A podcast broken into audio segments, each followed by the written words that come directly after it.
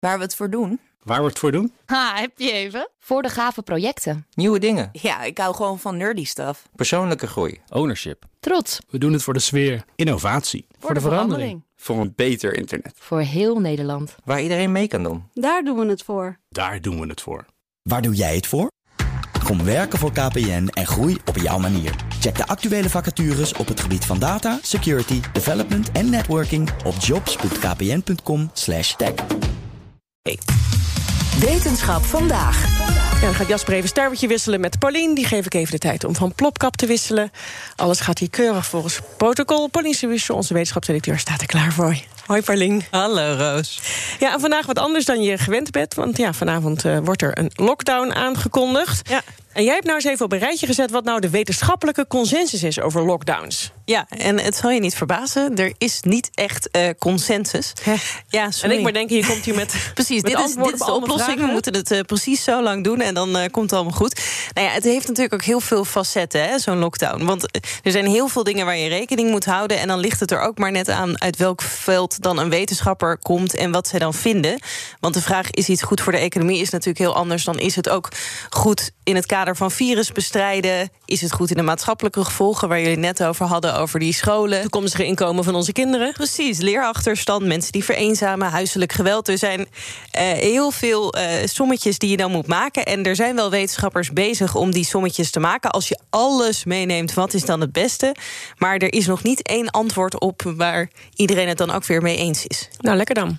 Ja, dat is wel typische wetenschap trouwens, laten we eerlijk weten. Het is altijd genuanceerd. Zo werkt het, ja. ja. Nou ja, het is natuurlijk ook uiteindelijk een politieke afweging... wat je dan wel en niet doet en wat je belangrijk vindt.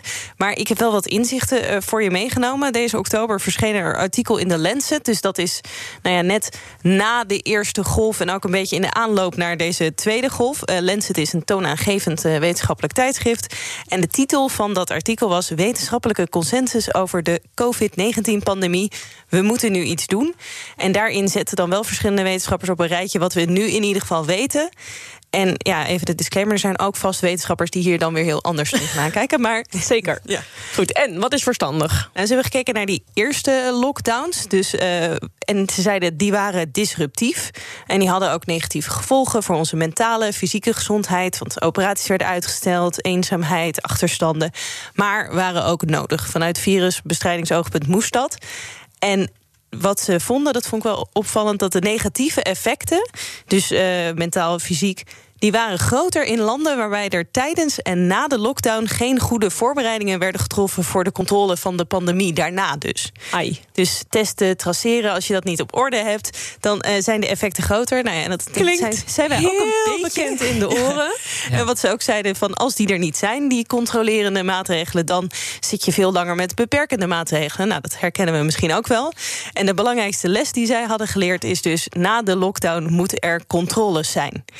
En als dat er niet is, dan krijg je minder vertrouwen, worden mensen gedemoraliseerd.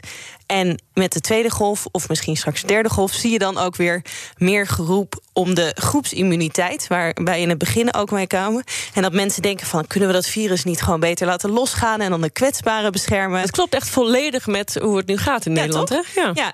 En um, voor iemand die denkt, ja, moeten we dat niet doen? Uh, volgens deze wetenschappers nee. Uh, er is geen wetenschappelijk bewijs voor dat die groepsimmuniteit echt werkt. En vooral dat dat op een verantwoorde manier kan. Want ze zeggen alle strategieën die uitgaan van immuniteit, die werken niet. Want als je ongecontroleerd het virus rond laat gaan in een bepaalde groep, dan zorgt dat alsnog voor ziekte en doden in andere groepen. En je weet ook niet precies wie er kwetsbaar zijn, of die bijvoorbeeld long-covid krijgen, dus dat ze er heel lang last van hebben. En we zijn berekend dat de kwetsbare groep mensen wel zo'n 30% kan zijn van de bevolking. Nou, en die heb je niet snel afgezonderd. Dus losgaan, dat heeft eigenlijk alleen maar hele grote negatieve gevolgen. Dus dat moet je in ieder geval niet doen. Oké, wat is hun advies dan? Nou, zorg voor minder besmettingen. Dus. Nou ja, de lockdown. ja. nou ja, maar uiteindelijk, als het te erg is geworden, zorg dus voor minder besmettingen, beperkende maatregelen. En stel daarna mensen in gelegenheid om te testen, te isoleren. Dus geef ze ondersteuning.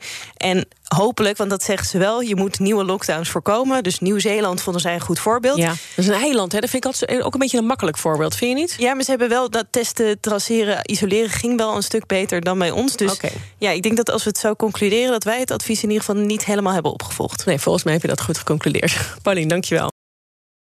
Ook Diana Matroos vind je in de BNR-app. Ja, inderdaad. Je kunt live naar mij luisteren tijdens de Big Five. Ook handig in de BNR-app. Breaking nieuwsmeldingen, maar ook het allerlaatste zakelijke nieuws. En je vindt in de app alle BNR-podcasts, waaronder Wetenschap Vandaag. Download nu de gratis BNR-app en blijf scherp.